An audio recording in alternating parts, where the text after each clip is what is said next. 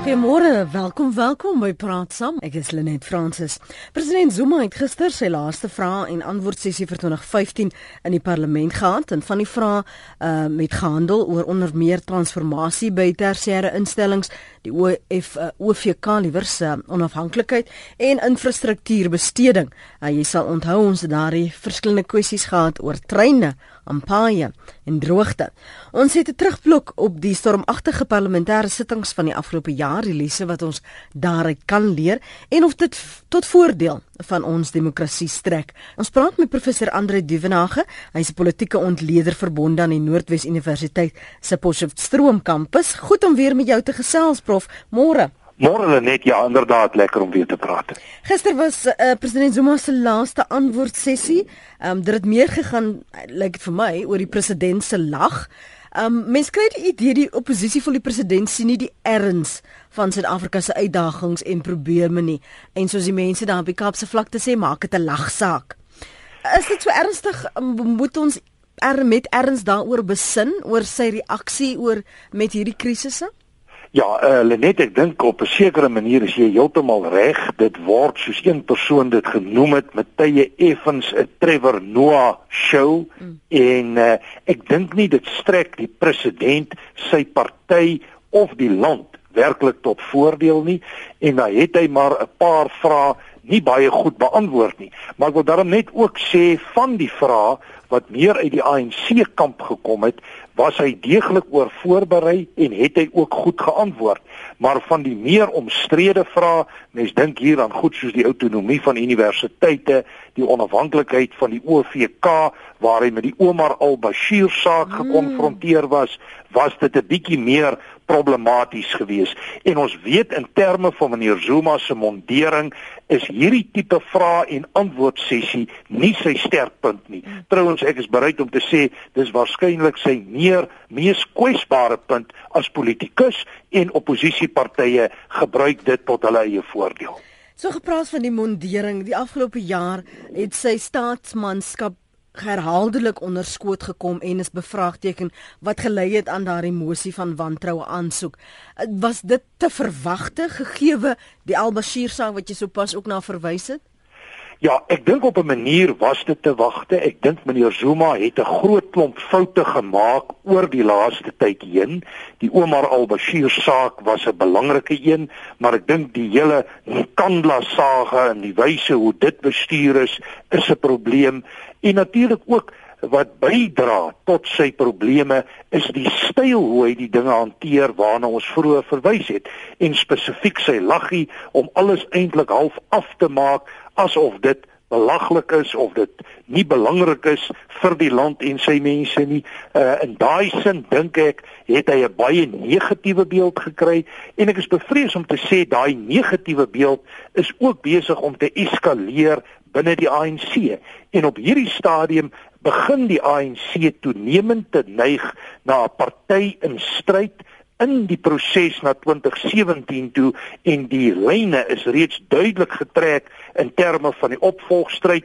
Mens hoor van groeperinge mm -hmm. soos die sogenaamde Premiersliga en dan hoor jy van 'n ander groep wat hulle self noem Boko Haram mm -hmm. en so aan. So ek moet sê meneer Zuma is in 'n bitter moeilike posisie op hierdie stadium en as jy ook gaan kyk na die groter landspolitiek en spesifiek die ekonomies finansiële sake dit wat uitspeel op universiteite mens dink aan die verkiesing wat kom in 2016 dan het hy 'n klompie uitdagings en ek dink nie hy bestuur dit baie goed nie As ons nou so 'n terugblik hou oor oor die afgelope jaar, wat was en daar was baie. Wat was vir jou die grensverskuivende oomblikke wat uitgestaan het, uh, of dit nou ten voordeel of nadeel van ons demokrasie was en wat moet ons daarin lees? Lenet, ek dink daar was 'n hele klomp goed. Ek dink om weer te begin, as ons net ekonomies finansiëel kyk, dan is dit duidelik en ons kan dit ook uit die mees onlangse begrotingsredes uh, lees dat die land is in 'n baie groot finansiële uh, krisis veral ten opsigte van staatsfinansies en ek dink dit is een belangrike Rubicon wat ons oorgesteek het hoewel hy al lankal in die pipeline was, maar hier in 2015 het dit nou pertinent duidelik geword en het die regerende ANC dit ook in soveel woorde erken. Dan 'n tweede saak wat ek dink baie belangrik is, is hierdie studenteonluste en dit wat by universiteite aan die gebeur is. Vir my is dit 'n Rubicon in belangrike opsigte. Dit hang saam met 'n groter kultuur van verset.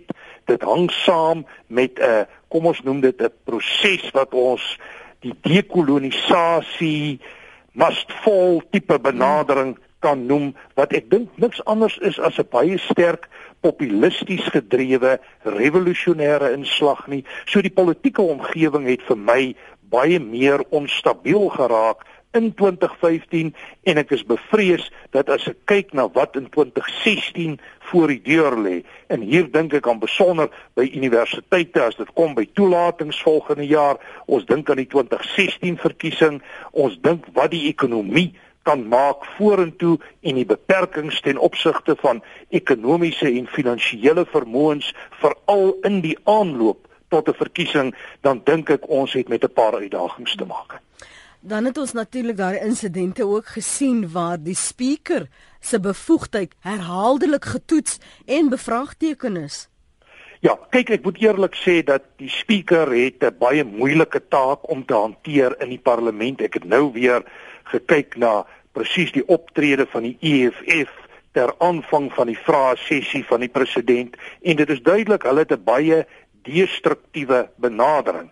Maar daarteenoor moet mens ook sê dat die regerende ANC nie altyd bereid is om verantwoording te doen soos wat hulle moet doen in terme van parlementêre proses en prosedure nie. So die saak het duidelik twee kante en iewers tussenin sit die spreker en ek dink sy is getoets, sy is met tye te lig bevind en uh, ek dink daar wag maar vir haar 'n redelike moeilike tyd. Maar belangriker as ons kyk na die parlement as instelling, dan word dit vir my toenemend duidelik dat die parlement nie baie sterk kan funksioneer binne die historiese Westminster tradisie en konvensie nie. Hy word 'n instelling wat jy toenemend met reëls, regulasies en prosedures moet hanteer en ek dink in daai sin kry ons 'n belangrike kultuurverandering binne die parlementêre instelling.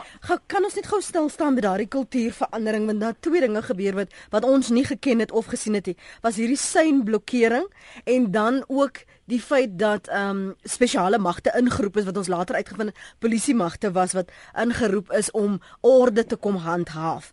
Wat wat ook 'n skrein was teen wat die bestaande protokols was.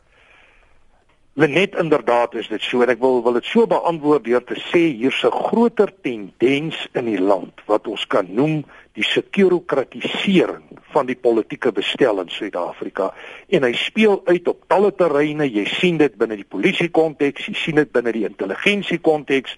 En soos wat meneer Zuma en sy regering onder druk kom wend hy hom toenemend tot die sekurokrate en ons dink hier aan die sogenaamde sekuriteitskluster wat 'n al hoe belangrike rol speel in die Suid-Afrikaanse politiek. En dit was duidelik toe daar 'n krisis gebleik te kom het in die parlement, het die veiligheidsgroepering ingegryp en het hulle gedoen wat jy pas genoem het, die syne geblokkeer. Dit is natuurlik in alle opsigte teen die parlementêre kode, dit is teen grondbeginsels van die grondwet, mm. dit druis in met die beginsel van die trias politica of die driedelings neeleer wat eintlik maar die uh, die onderskeid beklemtoon tussen jou uitvoerende, wetgewende en regsprekende gesag. So dis duidelik die groter land beweeg toenemend na 'n sekurokratiseringsbedeling wat vergelyk kan word maar tog ook heel wat anders is as dit wat ons in die 80er jare onder meneer PW Botha gesien het. En dit moet ons tot kommer strek. Dit is nie 'n tendens wat mens as demokraties kan beskryf nie en my vrees is dat soos meneer Zuma in die toekoms met groter uitdagings gekonfronteer gaan word, gaan hy hom meer en meer wend tot die sekuriteitskluster want onthou net dit is sy werk en leefomgewing hy was die sekuriteitshoof van die ANC in die periode voor 94 en ek dink hier lê 'n bepaalde uitdaging en dis ook 'n groot uitdaging vir ons konsolidasie van ons demokrasie. Dis 16 minute oor 8 hier is Johan op die lyn hy's van die Weskus môre Johan. Môre daar. Ag ek wil net vinnig praat. Jy weet as jy dink dat die ANC het in beheer gekom weens beloftes wat hy gemaak het aan die volk. Nou 20 jaar later doen die EFF dieselfde. Hulle maak beloftes wat hulle weet nie kan hulle nie kan nakom nie. Hulle, hulle stel hoog eise aan maatskappye en aan die boere en nou vind jy uit ook dat in die in die in die parlement daar waar hulle moet deelneem aan die debat. Hulle voer nie debat nie. Hulle spreek daar die volk toe. Hulle maak uitsprake. Hulle hulle hulle, hulle deelname aan die aan die debat is in die, die parlement is is absoluut destruktief en hulle is net besig om die proses daar te destabiliseer. So uh, wat hulle betref, uh, raak ek 'n bietjie bekommerd. Hoekom gaan hy nou uh, oor see? Wat gaan hy daar sê in Engeland? Uh, dit sal interessant wees om te sien wat hy vir daai mense gaan sê. Baie dankie. Dankie vir die saamgesels. Dis uh een van ons luisteraars, dink dit was Johan. So kom ons sluit vinnig aan by Johan se oproep en dat ons praat oor die gehalte van debat te en debatvoering. Of was dit um 'n vraesessie met 'n klomp ontwykende houdings, 'n oor en weer beskuldigings? Is dit wat ons eintlik die jaar gesien het, professor Dievenage? Lenet, ja, ek dink ons het baie daarvan gesien. Ek dink van die vrae wat gevra was, was baie goeie vrae wat geraai wat gedeur gegaan het na die kern van van die probleme en die uitdagings waarmee ons te maak gehad het. Maar ek moet eerlik sê die kwaliteit van antwoorde wat ons gekry het was nie altyd van 'n baie hoogstaande gehalte nie. Dit was ontwykend dit was binne 'n bepaalde ideologiese konteks. Dit is duidelik dat uh, daar 'n probleem is veral van die kant van meneer Zuma om baie spesifieke vrae te kan beantwoord. 'n Tyd gelede het meneer Cyril Ramaphosa ook 'n aantal moeilike vrae moes beantwoord. Ek dink hy het ook met 'n paar van hulle gesukkel, maar in die algemeen was sy beantwoording wat my betref op 'n heelwat hoër vlak as die van meneer Jacob Zuma. Maar nou moet 'n mens daarom ook by sê die parlementêre omgewing is op die oomblik 'n baie moeilike omgewing. Hy word ontwrig as gevolg van 'n klomp kragte binne en buite die parlement. Binne die parlement sit jy met die EFF en al die dinamikas rondom die speaker, orde, reëls vir die huis en so meer. En aan die buitekant het ons die studente opstande gesien en betogings, ons het die staking gesien onlangs. So jou parlement is nie 'n maklike plek om uh, goed te funksioneer. Ek beskryf hom nie op hierdie stadium as 'n baie funksionele instelling nie. Mm. Nee, en 'n ander punt wat die inbeller gemaak het, kom ons praat dan oor die EFF. Hy sê hulle is destruktief, destabiliserend. Hoe interpreteer jy hulle? Veral hulle ehm um, wat is performance in Afrikaans nou? Hulle hulle funksioneer hulle ja hoe hulle hulle self gedra het ons het al die stap die stabilisering gesien wat vanuit hulle geleedere gekom het. Uh, hoe hulle hulle self handhaaf het hierdie hierdie uh, afgelope jaar veral wat dit kom by debatvoering veral uh, om standpunte en en uh, kwessies te belig. Lenet weet jy as ek na die EFF kyk dan moet ek sê dis 'n party wat werk op populisme hulle probeer populêre goeders doen en hulle mobiliseer hulle steun in terme van uitsprake, aksies. Hulle is nie 'n party wat werklik goed georganiseer is nie. Hulle is 'n party met baie interne konflikte.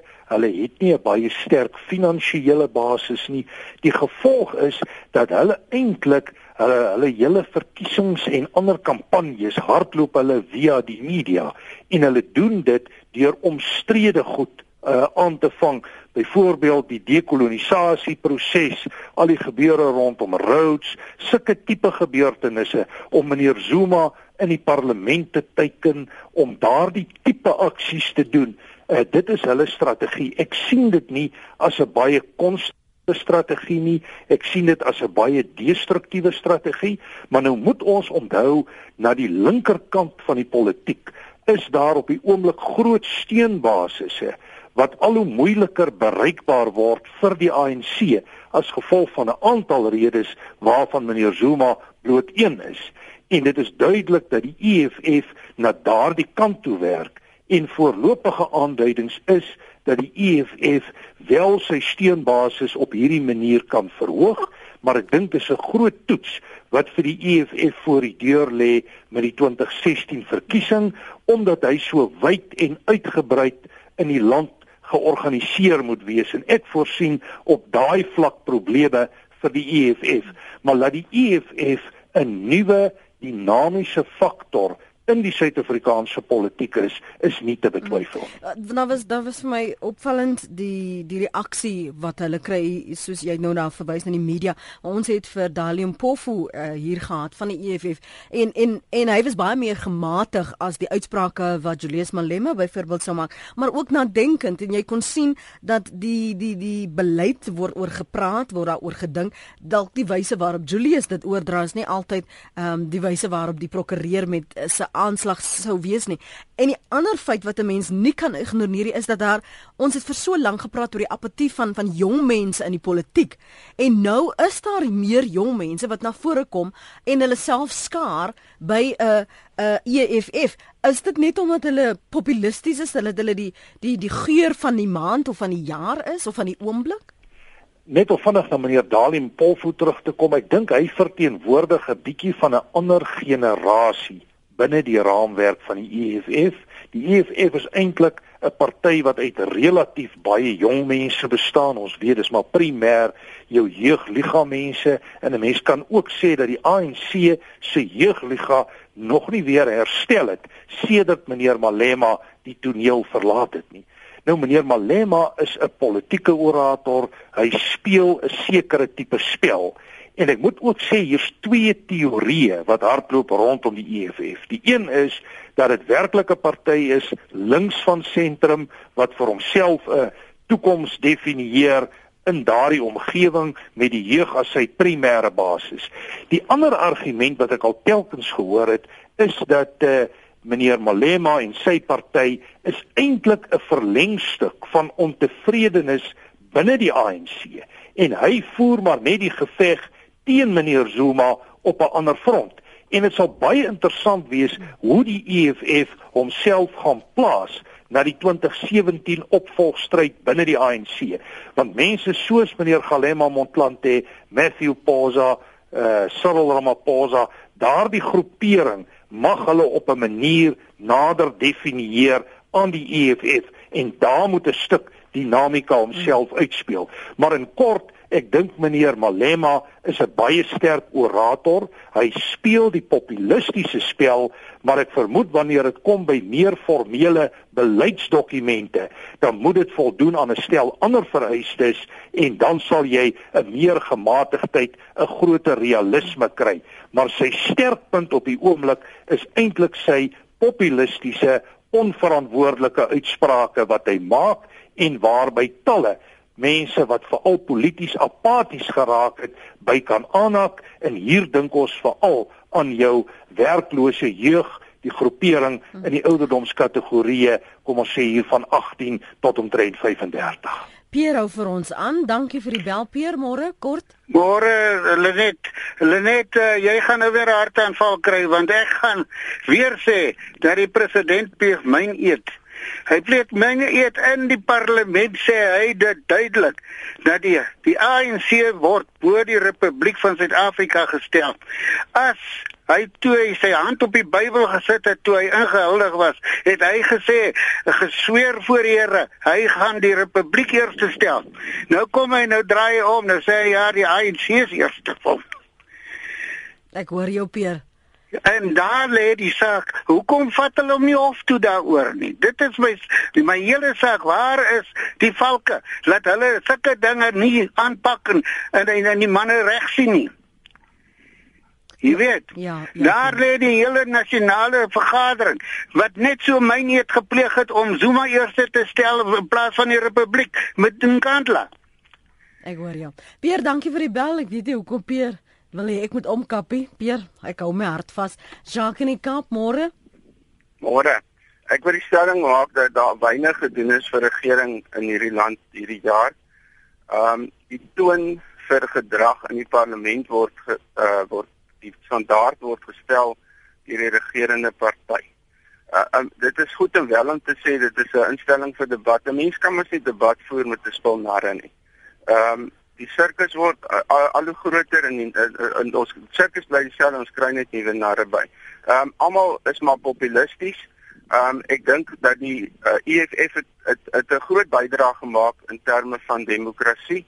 Ehm um, wat my nou die dag opgeval het in terme van die uitsprake wat die leier maak, daai optogte wat hulle gehad het dan die instellings toe en veral na die effektebeurs het hulle het hy gesê hy het dan manne aangetree en gesê luister hoekom stap julle op julle eie? Julle moet agter ons aanstap en julle moenie iets doen wat verkeerd is nie. Moenie dat die polisie 'n vinger na ons kan wys nie.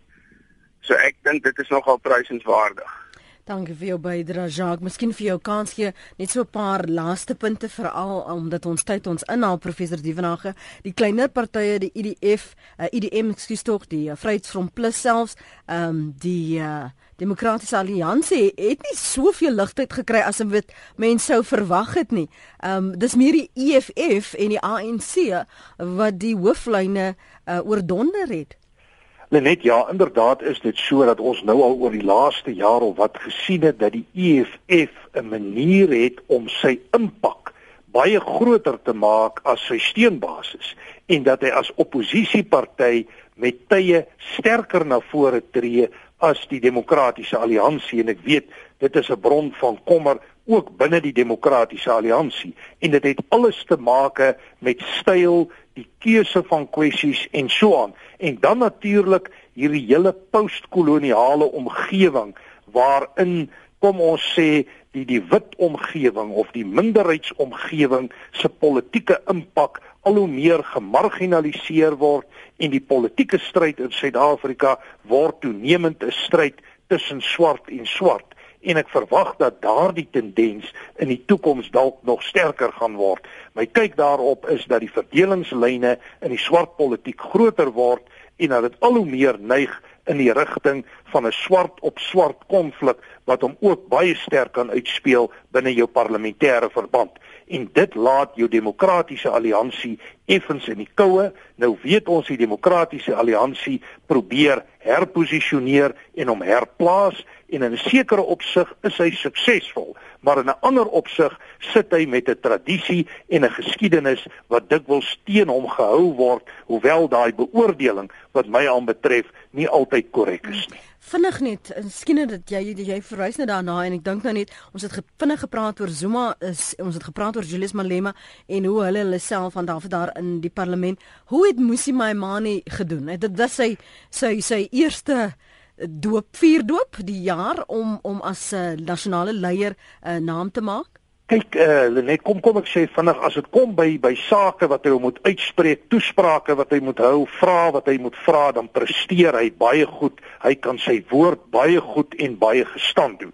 Maar ek dink sy groot probleem hierdie jaar was en gaan nog wees die Diane Couler Barnard saak. Mm. Ek dink daai saak is totaal buite verband verkeerd hanteer. Ek dink uh, die demokratiese alliansie het wat my betref koers verloor met die wyse hoe hulle dit gehanteer het. Hulle totaal oorgereageer op 'n saak wat mense kon sê is 'n belangrike saak om te hanteer, maar die wyse waarop hulle dit hanteer het was nie goed nie en ek dink dit gaan éventueel voor meneer Maimane se deur gelê word. Daar is baie mense wat reken dat sy leierskapstyl gaan sekere groepe vervreem binne die demokratiese alliansie, maar hulle reaksie daarop is dat hulle opnames en goed wys dat hulle steunbasis besig is om konstant te groei. My kyk daarop is dat ek dink hulle het min of meer 'n steunplafon bereik en hulle gaan baie moeilik daai steunbasis dramaties uitbou. Die dinamika lê verder links tussen veral die EFF, die Nomsa groeperinge en dan ook natuurlik die ANC. Professor Andre Dievenage, baie dankie vir jou insette vanoggend. Hy's politieke ontleder verbonde aan die Noordwes Universiteit se Potchefstroom kampus. Lekker dag vir jou. Dankie Lenet.